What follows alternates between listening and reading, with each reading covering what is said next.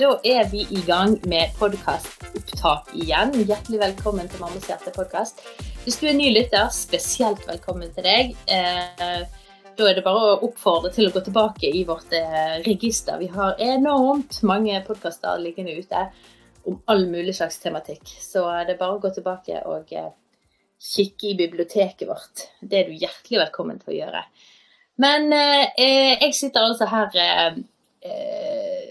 på, si, på hjemme, hjemmestudio, det er jo altså digitalt studio, med en person, en følger i Mammas hjerte, som sitter på andre siden av jordkloden. Hei, Helene. Hei. Hvor er det du befinner deg i verden? Jeg er i Indonesia, i Jakarta. Hva gjør du der? Lever livet, holiday og kjæreste. Så nydelig. Og så har du studert der tidligere, nevnte du for meg. Ja. Um, nei, men hva, hva, hva, kan du si, hva er temperaturen for øyeblikket? Eh, nå er det 31 grader. Osj, det er varmt. Hvordan er det nå i Er det sånn at det er, eh, er sommertid der nede, eller er det på en måte eh, kaldeste tiden eller varmeste tiden i forhold til årshjulet? Mm, det er varmeste tiden, men det er regntid. Så det er veldig sånn yeah. klamt. Men hvor er det du egentlig er fra? Jeg er eh, egentlig fra Toten. Jeg har Toten-dialekt, men den har blitt litt vannet ut etter at jeg har flyttet eh, rundt omkring og bor i Oslo og sånn i Norge, da. Vil du tatt de harde fakta? Hvem er Helene? Bare sånn hvis du skal ta liksom Hvor gammel? Hva driver du med? Ja, jeg... Hva er dine hobbyer hvis du liksom skulle finne på et eller annet? Hva er din favorittoppskrift på en god dag? Liksom? Jeg er 25 år. Oi, hvem er jeg? Um... det er alltid det store spørsmålet. Hvem er jeg? Jeg kommer ikke på noe. Uh... Nei, det går helt fint. Hva, liker du å gjøre hvis du liksom har en dag foran deg? Hva er dine aktiviteter som du uh, trives med? Det går mye musikk og produsering av musikk. Så det er ja. liksom den største hobbyen. Ellers er det jo mye å gjøre her i Indonesia. Å henge med Jeg er veldig sosial, da. Det, det er kanskje meg. Jeg er veldig sosial. Ja. Og så kjekt. Jeg planlegger ingenting. Eh, mm. Bare let it flow. Let it flow. Ja. Ja. Så du har et helt eh, venneregister nede i Indonesia? Ja. Eh, et godt miljø er viktig, altså. Det kan du holde en hvor som helst man er i verden, hvis man har et, eh, et miljø med å være i fellesskap. Eh, nå, jo, nå sitter jo du altså Du sa ja, her er klokken to. Og så sier jeg å ja, to på ettermiddagen, ja. Nei, to på natten. Så du sitter altså to på natten og snakker med oss. Det syns jeg er litt stort, altså. Ja. B-menneske. Mm, jeg er egentlig A-menneske på kvelden og B-menneske på morgenen. Ja. ja. altså C-menneske, det betyr at du trenger mye søvn, så du sover eh. Hvor lenge har du fulgt mammas hjerte, da? Oi, det var et godt spørsmål. Men ja, det er vel et år, kanskje? Du er jo en av de jeg har hatt en del samtaler med på chatten. Og mm. uh, du er flittig til å skrive inn, og, og, og det syns jeg er så koselig når folk gjør det. Forteller litt om sine historier eh, kommer og 'Kan du be for meg i dag?' Eller kan du liksom eh, Det er veldig, veldig fint. Og så kom du liksom med Jeg vet ikke hvordan det begynte, men jeg tror du skrev eh, Skrev du inn og liksom tenkte litt i forhold til din, denne tematikken at du hadde noen spørsmål Eller liksom Dette hadde vært greit å ta opp, og så utfordrer jeg deg. Mm. Har du lyst til å være med og så ta det opp? Det gjør jo jeg ofte hvis folk Så det er litt farlig å skrive inn på post eh, alfakrøll, for da blir du utfordret til å være med på podkast. Men du har jo en eh, rå historie som jeg tror det er viktig å løfte frem, og et utrolig viktig tematikk å lære litt mer om. Og det håpet ja. jeg at du kunne hjelpe oss til eh, i dag, Helene. Så i dag skal vi snakke om endometriose, og det er Jeg kan fryktelig lite om dette. Jeg har hørt eh, et par historier før, men det jeg har forstått, er at dette her er et digert landskap av eh, mm. både å ikke bli sett, hørt og trodd, gå i årevis med smerter ut av en annen verden, og med en behandling som, som ikke alltid er like lett og god og, uh, å leve med. Så hvordan eh, begynte det for deg, Helene? Hva var det som var liksom første din første opplevelse av at ok, her er det et eller annet med syklus og, og, og, som ikke er som det skal være? Jeg begynte jo å få ekstreme smerter eh, når jeg fikk min første menstruasjon. Jeg var vel 12-13 eller noe sånt. Mm. Men vi ble bare fortalt at dette her er helt normalt. Eller vi ble ikke fortalt hvor vondt det eh, gjør, og at dette var unormalt. Da. Så jeg gikk i mange år hvor jeg trodde at det var helt normalt. Jeg husker eh, opplevelser på skolen hvor jeg plutselig fikk sånn ekstreme stikk i magen, hvor lærerne reagerte. Men jeg sa, at var, jeg sa at jeg hadde vondt i magen fordi jeg hadde ikke språk for jeg hadde vondt i underlivet eller livmoren. Og så var det først i 2020 Og Hvor gammel var du da, mm. tror du? 23. Hvor jeg begynte å få ekstreme smerter. Og så gikk jeg på p-piller. Så du gikk helt opp til du var 22-23 før mm du liksom ble Altså det ble, ble, noe mer ut av undersøkelser og sånne ting, altså. Det er jo ganske lenge. Ja, jeg var på en del undersøkelser, men de fant liksom ingenting, og det var ikke noe de mistenkte. Eh, og jeg tenkte ja, ja, da, da er sikkert alt bra.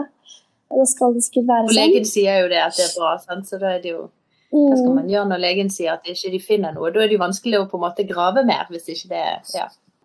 Ja, og så har jeg på en måte jeg har gått på p-piller kontinuerlig siden jeg var 13, og hatt blødning kanskje to ganger i året fordi det har vært så eh, utholdelig, da.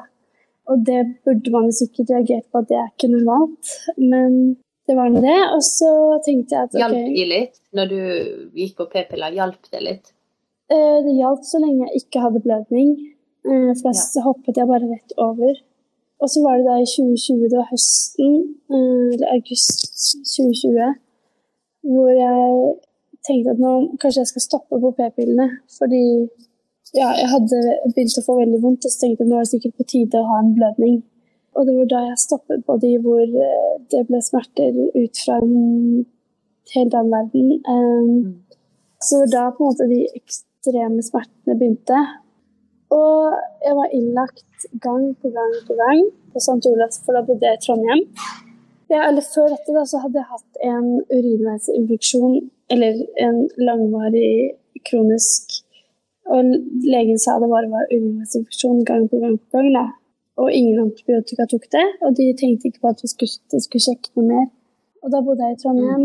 Jeg var innlagt gang på gang, eh, og legene sa at alt er fint. Jeg var innlagt på forskjellige avdelinger. De fant ingenting. Og jeg var jo fortsatt like dårlig. De sa det bare var psykisk, og at gikk jeg til psykolog, så ville dette, disse smertene bli borte, da. Og jeg kan på en måte skjønne tankegangen med min traumatiske barndom, men jeg kjenner forskjell på hva som er fysisk og psykisk. Kan du si noe om hva er det endometriose egentlig er og gjør? Bare sånn for uh, for eh, ja, oss som ikke har lest oss opp eller opplevd liksom, hva, er, hva er sykdommen? Hva er greien, liksom? Jeg har helt ærlig ikke skjønt det selv heller, selv om jeg har lest masse om det, men det er noe som vokser. Når man har blødning, så vokser det og blør fra andre steder. Eh, I buken, på blæra, på tarmen. Det kommer helt an på hvor du har en matrose. Da. Så det er vel sånn vev som vokser. Og så er det vel så nærme nervene at det er derfor det gjør så vondt. Så hver gang du da har blødning, så fortsetter dette vevet å vokse og lage ekstreme smerter. Sånn som jeg forsto det når hun eh, ene snakket om det i den podkasten jeg hørte med faktisk Veronica Simone Fjell og naboen som snakket, og hun hadde en nabo som forklarte det litt. og Det, det gjaldt jo at um, når man har menstruasjon, så er jo det mye blodkar som har mm. allerede lagt seg på innsiden av livmoren som kommer ut. sant? Renskes ut for mm. hver måned. De, de har gjort seg klar til å ta imot et, et liv og så blir ikke det liv, eller det er ikke liksom lagd liv ennå. Og da, sånn som jeg forsto det, så blir en del av disse blodkarene legger seg på feile steder. De legger seg rundt omkring ja. andre steder i kroppen og lager liksom syster av blod og utposninger av Og det er jo utrolig smertefullt hvordan det vokser eh, unaturlige ting rundt omkring eh, organer inni kroppen, da, som, som er Altså, jeg bare tenker på den menssmerte som man har med vanlig menstruasjon. Eh, dette vil jo bli gange liksom ja. hele mageregionen og andre organer liksom er involvert. De, de sier jo at uh, smertene sammenlignes med fødsel og rier. Ja, så hvordan uh, Du fikk ingenting på en måte Det var ingen, ingenting som hjalp deg i smertene da. Hvordan reagerte du på Hvordan reagerte din kropp når du da hadde blødninger? Altså En ting er jo man blir sengeliggende og har varm pose på magen, liksom, men er, hvordan var din, ditt mønster når du hadde blødning da? Ja, jeg hadde jo ikke så mye blødning, for jeg startet jo fort på p-pillen igjen. Men uh, den, ja. når jeg hadde blødning, så Eller det var ikke bare når jeg hadde blødning, men jeg hadde på en måte samme type smerter hele tiden. Om jeg hadde blødning eller ikke. Etter jeg sluttet på p-pillene, så var smerten det samme hele tiden. Og så kom de i kramper eh, i sånne tak. Og noen ganger så kom de på en måte i tak og ga seg etter kanskje to minutter. Eller så kom det kramper som ga seg etter en time, hvor jeg bare har noen sekunder mellomrom. De krampeanfallene jeg fikk som har på en måte fem minutters pause før neste, de lærte jeg meg veldig fint å leve med. For da var det sånn Da visste jeg at da går de over, eller fikk jeg pause og krefter til neste. Når det var de krampene som bare hadde noen få sekunder, så ble jeg hentet med ambulanse overalt mange ganger. Eh, jeg visste ikke om jeg ville klare å komme på matbutikken eh, uten å komme hjem uten å bli plukket opp av ambulansen. Jeg visste ikke om jeg kunne være med venner på tur. Så det var ganske psykisk tøft at jeg kunne ikke planlegge noen ting. Eh, jeg ble, vel, jeg ble innlagt 50 ganger på St. Olavs mellom august og eh, november så var jeg innlagt 50 ganger. Det er ganske mye, ja. Mm, og da var det rett inn å få morfin rett inn i blodet, som ikke er helt uh... Altså, jeg ble jo avhengig, da, men jeg trengte det. Ja, så det var ganske tøft. Jeg bodde alene og klarte på en måte ikke å gjøre de hverdagslige tingene. Men så til slutt så Jeg hadde en fastlege som jeg hadde krangla med om å få en sånn Etter å ha googla, doktor Google, mm. Eh, selv om det, det er ikke å anbefale mange ting. Men akkurat eh, på dette så fant jeg ut av at jeg hadde Jeg gikk til legen med screenshot av endometriose. Dette har jeg. Mm. Eh, og legen sa nei, det, det har du nok ikke, og vi kan ikke bare operere i magen til alle som sier de har litt mensensmerter, liksom. Jeg fikk kranglet meg til en laparoskopi, da. Ja, dette var vel i oktober, og så sa de at jeg da skulle få en time i innen april. Men heldigvis så var det noen som ble syke, så jeg kunne komme inn på sånn kort tid. Så 8. desember i 2020 så fikk jeg leproskopi, og der så fant de endometriose. Eh, ingen unnskyldning fra leger, så det var jo litt skuffende. Mm. For da var jeg kjempeglad for at jeg hadde funnet det ut, og selv om det er en heavy sykdom, så ja får man i hvert fall litt hjelp og blir tatt mye bedre imot når man kommer på sykehuset. Men selv om jeg fikk diagnosen der, så er det jo fortsatt sånn at det er jo ikke noe ordentlig behandling for, for det. Så det fortsatte jo i samme, i samme spor og innleggelse på innleggelse, morfin mm. på morfin, tramadol og oksynorm hver dag. Det er ikke å anbefale. Nei, det høres ikke ut som Jeg bare tenker litt på hvordan det preget hverdagen og, og livskvaliteten din. Nei, etter, På en sånn laparoskopi så fjerner de jo det de også finner av endometriose når de åpner opp og ser.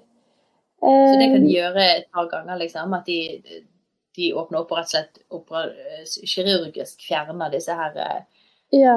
vevet? Og det er jo på en måte den sikreste behandlingen de har. Eh, men det er jo grenser for hvor mange ganger man kan. Fordi operasjon har jo sine bivirkninger, og det kan bli sammenvoksninger. Så de anbefaler jo heller ikke å gjøre det så mange ganger. Ja, så da var det den laproskopien, og siden jeg var veldig mye plaga, så fikk jeg eh, hormonspiral.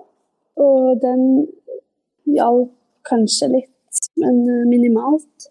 Og så var det jo fortsatt innleggelser.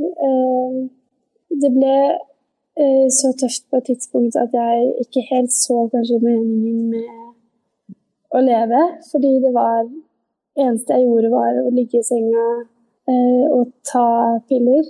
Og turte ikke gå ut. Ja, med frykt for at jeg ikke kom meg hjem igjen. Mm. Ja. Fikk du noen å snakke med på den tiden, som på en måte kunne Du får litt utløp for alle disse her tankene, følelsene, eller følte du satt du alene liksom i, i Altså det var, jeg fikk på en måte ikke noe tilbud fra sykehuset. Jeg hadde jo på en måte kirka jeg går i. Og, men det er så lite informasjon om denne sykdommen, og folk vet ikke. Og folk tenker at de smertene, det, det tåler man på en måte. Man skjønner ikke hvor vondt det gjør. Og jeg kjente ingen som hadde samme sykdom. Så det ble veldig sånn, jeg ble veldig alene med å stå i det.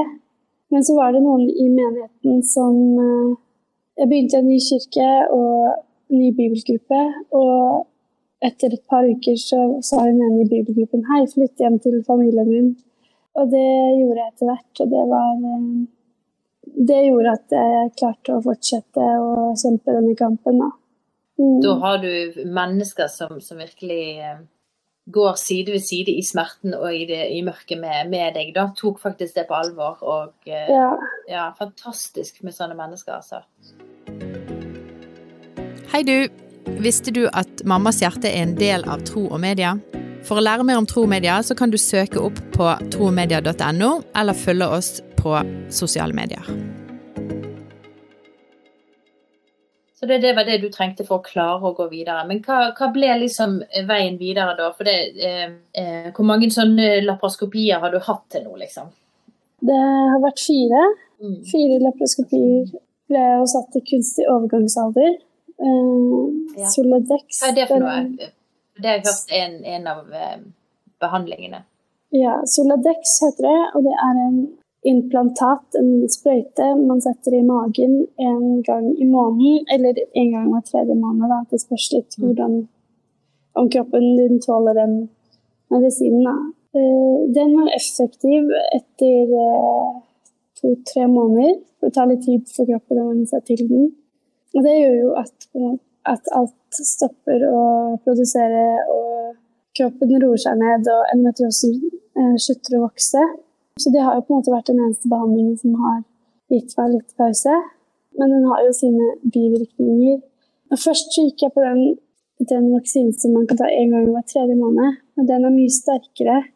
Mye bivirkninger med smerter i kroppen. Og ja, så jeg gikk over til den på én gang i måneden, og den har funket veldig bra. Så den går du på fremdeles, da? Ja, nå er jeg på siste sprøyte før en ny operasjon i slutten av desember. Ja. Ja, det er, sånn forløper det, da. At man, man eh, holder seg i kunstig eh, overgangsalder, så, og, eller overgangsfase, og så Eller syklus, er det hva du kaller det for. Men og så det, må man fremdeles ta disse laparoskopiene eh, gjennom det også. Endometriosen vil alltid vokse så lenge du har en livmor. Og så lenge du har endometriose, så vil du en måte ikke bli kvitt det. Og du er i en alder av 25 år. Jeg syns det er jo utrolig vondt. Hva, hva tanker har du gjort deg rundt det? Det, det kan ikke være enkelt, det å Det er ganske store spørsmål, store følelser, store livsvalg som blir frarøvet deg midt oppi denne sykdommen. Hvordan har det vært for deg? Det var ganske tøft i starten fordi jeg sto veldig alene med det. Og legene vet jo heller egentlig ikke så veldig mye om denne sykdommen. Og det var liksom veldig få å snakke med. Jeg fikk kanskje diagnosen rett før folk begynte å snakke om det, for det har jo vært en del i media om det.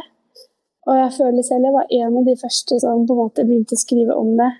Og da begynte det plutselig å komme masse. Og så har jeg gjort mye research, og så har jeg blitt operert to ganger her i Indonesia. Jeg vet ikke om, eh, om det er en teori eller om det er sant, men legene her i Indonesia har, virker som de har litt mer peiling, eh, om litt mer educated. For jeg spurte det litt om eh, sist gang jeg opererte her, om hvis jeg f.eks.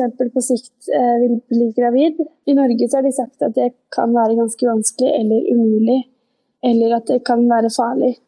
Mens her så er det bare sånn Nei, men da tar vi bare den operasjonen her, så gjør vi det sånn og sånn, men du må på en måte planlegge det.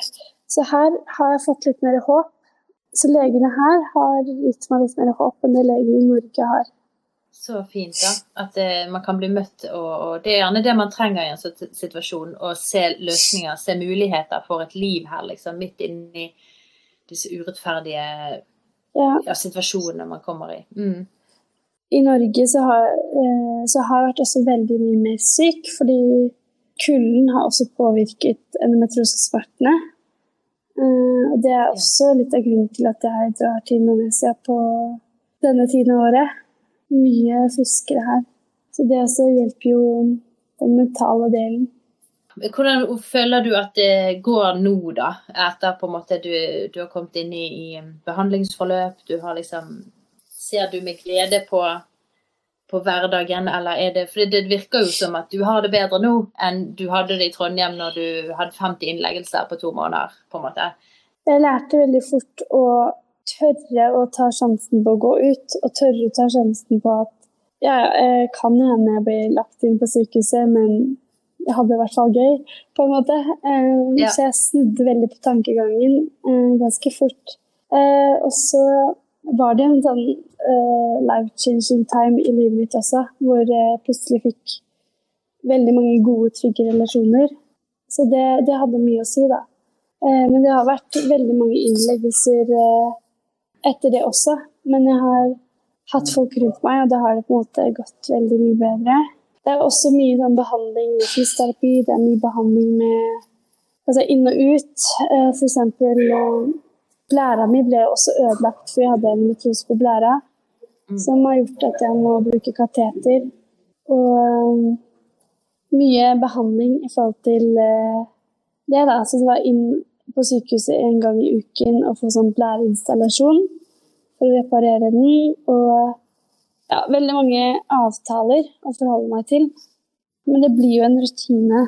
Har du tenkt noen ganger det? Jeg tenkte i hvert fall det er få ganger jeg har vært så syk at jeg har måttet bli innlagt. Men, men da jeg tenkte vet du hva, du skal være rimelig frisk for å være så syk. For det er jo så mye du skal Ja. eh, følge opp. Det er mye skjemaer. Du skal søke dit, ditt, og så har du Nav, som er helt grusom å følge opp. Og så, og så har du taxi hit og dit, og, eh, altså avtaler og Nei, så det er, du skal være ri... Altså, for å si sånn, jeg har så respekt for de som er kronisk syke, for det er så enormt mye som følger med det. da. Hvordan har det vært for deg med alt det rundt? Hvordan har, det, har du blitt møtt på en hjelpfull måte? Eh, på ingen måte. Eh, det har vært eh, Det også har vært da helt forferdelig. Når du er syk, og det eneste du trenger, er bare at ting blir gjort. Ja. Altså er det ingenting som blir gjort. Eh, og det å møte på avtaler er jo ikke alltid lett, det heller. Eh, og du er ikke syk nok til å ha pasientreise, eller du er ikke, du er ikke syk nok, men du er ikke frisk. Du, du havner ja. veldig midt imellom. Så ja, og i forhold til Nav, jeg er jo på arbeidsavklaring per nå. Eh, Og man skal jo helst ikke være på arbeidsavklaring mer enn to år. Mm. Og jeg har vært på arbeidsavklaring i snart åtte år. Eh, fordi de klarer ikke å avklare situasjonen min, fordi den ene dagen er jeg kjempefrisk, og så plutselig er jeg kjempesyk. Og det er en ganske sånn vanskelig og slitsom situasjon å stå i. Og jeg har jo hatt mange søknader om uføre inne, men de blir avslått gang på gang med grunnlag av at jeg ikke har prøvd alle tiltak. Jeg har vært i den prosessen mange ganger, men jeg må avbryte fordi jeg blir for syk. Og det er jo ikke da et hint nok i seg selv um, for dem. Så uh, nå har jeg både advokat på saken, og, men de har jo avslått advokaten og legenes begrunnelser fordi jeg ikke har prøvd alle tiltak. da. Og det ene tiltaket de eh, men, mener vil være et arbeidsrettet tiltak, er å fjerne livmor. Så selv om legen sier at det ikke vil hjelpe, så mener Nav at det må jeg prøve først. For, ja. Så det er ganske brutalt. Ja. Åh, det er så, det er så Jeg står sånn respekt ut av den eh, situasjonen. Ikke nok med at man er blitt utlevert utrolig ut, urettferdige kort i livet, liksom, og skal stå og deale med dette. Ikke blitt trodd på ti år, liksom. Og så, så Mm. skal du kjempe deg gjennom rettighet etter rettighet. Eh, Vi, vi, har, vi er jo et godt land med utrolig mange gode støtteordninger og løsninger, men, men, eh, men her, her, her, her, hjelper det jo ikke, da. Nei. Og så er det fortsatt, selv om jeg har en diagnose og jeg kommer på sykehuset, så må du alltid gjennom legevakten. Du må alltid sitte i den lange køa med smertene. Og så må du inn på akuttmottaket før du eventuelt blir innlagt. Og det er en sånn De har bare åpen retur på innleggelse for kreftpasienter. Og det er helt grusomt. Det er nesten sånn at du ikke vil, orker å dra på legevakten. Ja. Du vil heller ligge hjemme med disse smertene. Fordi du må ligge der og, eh, eller sitte der og vente. Det, det, er et system som ikke funker. Ja, for denne type sykdom. Eh, ja. Så Derfor er det jo så viktig at det er dere som har disse erfaringene og ser det fra innsiden, eh, forteller historier. Så viktig at sånne stemmer kommer frem. Og det er jo litt derfor vi ville snakke om det her. For dette, jeg erfarer at det blir ikke hørt og trodd. Og eh, det er mange ja, som sitter med lik opplevelse som deg. Da. Hva ville du sagt til dem hvis det er noen som følger mammas hjerte, og som lytter på her, som, som går med disse smertene, umenneskelige smertene, og ikke liksom er kommet inn i forståelsen av at dette er Fins det eh, ting å gjøre, sider å sjekke? Eh, jeg anbefaler alle, uansett om det er smerter eller ikke, å, å følge Endometrioseforeningen og lese dere opp på det. Fordi det er én av ti kvinner som har denne sykdommen i Norge. Hvis du tror at du har det, så ikke gi deg. Du må bare kjempe til, å, til du får uh, si, hjelp. Uh, det er en hard kamp. Men hvis du mistenker at du har endometriose, PCOS eller smerter i underlivet mer enn vanlig, så bytt fastlege, bytt lege, bytt sykehus til du får god hjelp. Altså, hvis du googler det, si, googler endometriose, så skjønner du fort om du har det. Hva tenker du om kvinnehelse? Eh, det er jo en ting vi har snakket litt om tidligere i Mammas hjerte, og mye frustrasjon, spesielt jordmor Hanne, som, som syns det er altfor mm. lite fokus på alt det som rammes en kvinnehelse, og uh, det som skal følges opp, og uh, fokuset. Hva, hvordan kunne du sett for deg at det kunne vært enda bedre? Har du tenkt over det noen gang at allmennleger på, på allmenn, altså lege, fastleger, de, jo, de er spesialisert i, i allmennhelse. Ja. Og noe med det å hatt en jordmor som fulgte seg hele ja. livet. Jeg mener jo at alle kvinner bør jo ha en eh, ja, gynekolog eller jordmor like mye som en fastlege. Hvis vi får politikerne på laget, hvis de mener det de sier eh, før de skal bli stemt på, på si, så tenker jeg at eh, alle generelt burde ha mer kunnskap om kvinnehelse. Da. vi har jo disse feministene som kjemper for, eh, ja, for likestilling og skjønnhet og kvinnehelse, alt jeg på å si, men når de begynner å kjempe for endometriose, da kan vi begynne å snakke. Viktig eh, tematikk som rammer mange som ikke får god nok hjelp i dag og blir forstått. Men det ser jo ut til at eh, du, du har funnet en god rytme i livet ditt, i hvert fall i Indonesia, og, og kan kjenne på livsglede og, eh, og, fellesskap der. Og det er jo ja. utrolig viktig at man finner ut av sånn Det som funker for én, sant. Det er jo ikke det gitt at det funker for alle, men du har jo gått langt for å klare å finne en, en hverdag som, som, funker for deg. Nei, men eh, tusen takk, Helene, for at du tar oss med inn i denne verden. Jeg kan for lite om dette.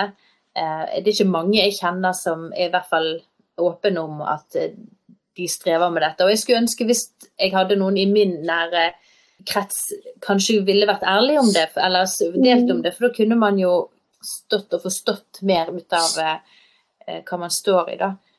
Så dette er jo noe jeg virkelig ikke ønsker på noen, og jeg håper jo at du finner gode rytmer og gode, god behandling, god hjelp, sånn at du skal få livsglede og livskvalitet. Ja, det har jo, bare for å legge til noe positivt, hadde jeg på å si, med, ja. eller, hvis man kan finne noe positivt, så er det etter at jeg på en måte har vært Man er jo på Noen ganger så er jeg på fire gynekologiske undersøkelser i uka. Og man blir jo på en måte såpass herda. Du blir vant med, at, vant med å spre beina og bli altså, besøkt? Når er, når, når er det innafor å legge til gynekologer på Facebook, liksom? Ja. Men uh, det har jo på en måte gjort veldig mye med at jeg har akseptert kroppen min. Uh, og det at jeg har 20 arr på magen fra alle disse operasjonene. Det har bare gjort at jeg jeg klarer på en måte ikke å bry meg lenger om hvordan det ser ut, hvordan eh, det er. Så jeg har fått et veldig sånn sunt bilde av kroppen, da, på en måte.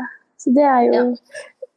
positivt, hvis det er noe positivt. Det er positivt. Virkelig. Er det sånn at du blir da ekstra glad for de tingene som faktisk fungerer og ikke gjør vondt, eller liksom at eh, de dagene du ikke har smerter, blir ekstra gode, da? Jeg er veldig god til å ta vare på de gode dagene. Og leve lenge på de dagene som, som ikke er like smertefulle. Nei, men Tusen igjen takk for at du ville dele med oss og være ærlig med din historie. Jeg håper at dette kunne være til, eh, til både eh, kunnskap for mange, men òg trøst gjerne til de som står i lignende situasjoner og ikke finner ut av det, ikke blir trodd, ikke blir hørt, men Mm. kanskje kunne vite litt hvordan veien kan gå. Og at det er viktig å snakke om dette her og få det opp og ut og bli lære om det og være bevisst av hva det er for noe. Så du, Send denne podkasten til alle dere kjenner. ja, send denne podkasten til alle dere kjenner. Så, så håper du får fine dager. Eh, Skal du tilbringe julen nede i Indonesia? Jeg har ikke helt bestemt meg ennå. Nei, du er litt på sånn floating eh, du er, eh, Det er åpen returbillett. ja. Ja. ja. Det hørtes nydelig ut for en som ikke er en planlegger. Åh, nei, men Det var veldig kjekt å få prate med deg endelig, Helene. Dette har jeg sett frem til. Og så eh, må du ha lykke til med alt du står i, og riktig god jul til deg der du er. Takk for det. God jul. Takk til deg som lyttet. Kontakt oss hvis du har spørsmål eller eh, tanker rundt det vi snakker om. Det er så, så viktig å eh, snakke om disse tingene. Og takk for at du lyttet på. Ha det!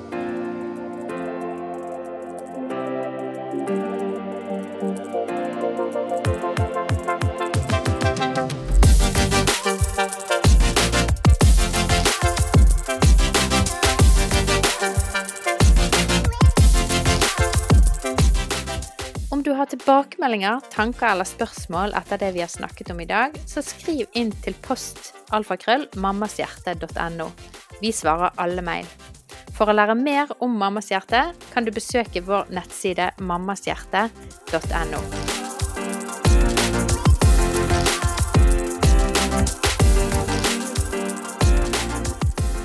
Denne podkasten er laget i samarbeid med Tro og Media og Familiesenteret i Bergen.